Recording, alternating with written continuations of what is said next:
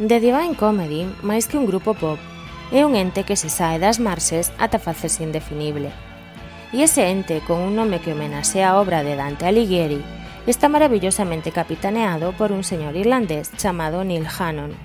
E o certo é que o nome está ben escolleito, porque o talento de Hannon para confeccionar historias disfrazadas de perfectas cancións pop é verdadeiramente dantesco.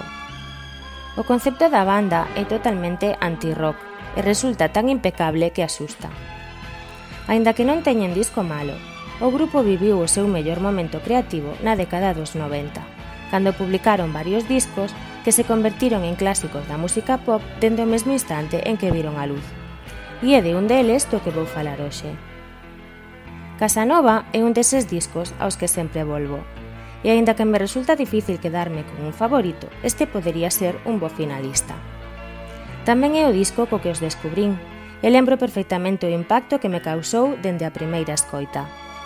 Quen era ese ser de voz angelical, capaz de compoñer esas maravillosas cancións e onde estivera o resto da miña vida? Pois resultou que The Divine Comedy existía dende 1989, pero non sería ata o 96 cando conseguiu colarse nas listas de éxitos, o que aconteceu precisamente con este disco, moito máis pop que os anteriores, e que é un universo nun anaco de plástico, pura maxia. Casanova é un disco moi dandy, o que se asintúe dende a propia portada, onde Nil posa nos canais venecianos con simpática chulería. É o alfi de Michael Caine, ao que fai referencia no segundo corte do disco, feito partitura e interpretado por un grupo pop con orquesta. En Casanova, falase moito da morte e de sexo, pero tamén está cheo de morriña irlandesa, de tardes chuviosas, de moita luxuria, de veráns pecaminosos e de longas noites en vela. É un disco impoluto, cheo de cordas e pianos. Casanova soa a pop barroco, a Scott Walker, a Jack Brel, a Bart aos Moody Blues e aos Kings. Porque non nos confundamos, Os temas de Casanova están cheos de humor irónico, finísimo e profundo. Hanon pasa da euforia á melancolía cunha facilidade pasmosa, sen perder un ápice de beleza, máis ben todo o contrario. Something for the Weekend é un single enorme, perfecto para abrir o álbum. E que dicir de Middle Class Heroes, In and Out of Paris and London ou The Frog Princess, son todas cancións que adoro. Charge e The Dogs and the Horses son sobrecolledoras, e Through a Long and Sleepless Night É a máis escura, case claustrofóbica, como unha novela clásica comprimida en seis minutos, e que perfectamente podería formar parte do repertorio de The Cure. Pero Songs of Love é a miña favorita sen dúbida. É un poema emocionante até dicir basta. Gústame todo, a letra, a secuencia de acordes, o clavecín, as voces. Para min é a canción pop perfecta. Hai cousas que non poden explicarse con coherencia, sobre todo cando hai admiración polo medio.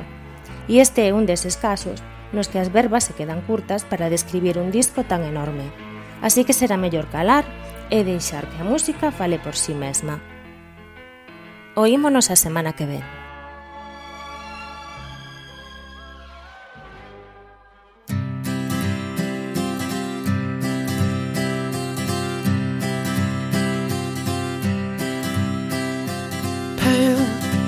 Pubescent beasts roam through the streets and coffee shops.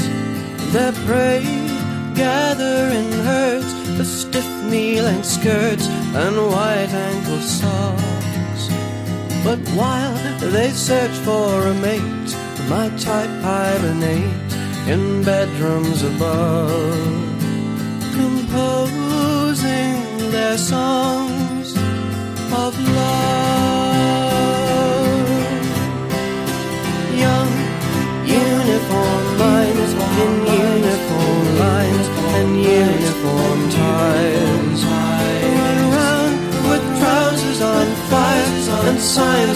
signs they cannot disguise. While I try to find words as light as the birds that circle above. To put in my song, of love. Fate doesn't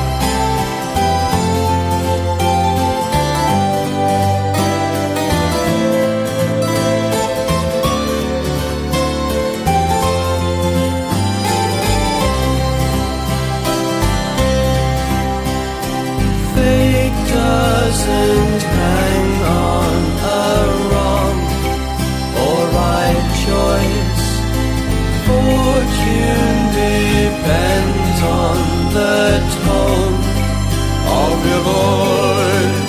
So let's sing while we still can, while the sun hangs high up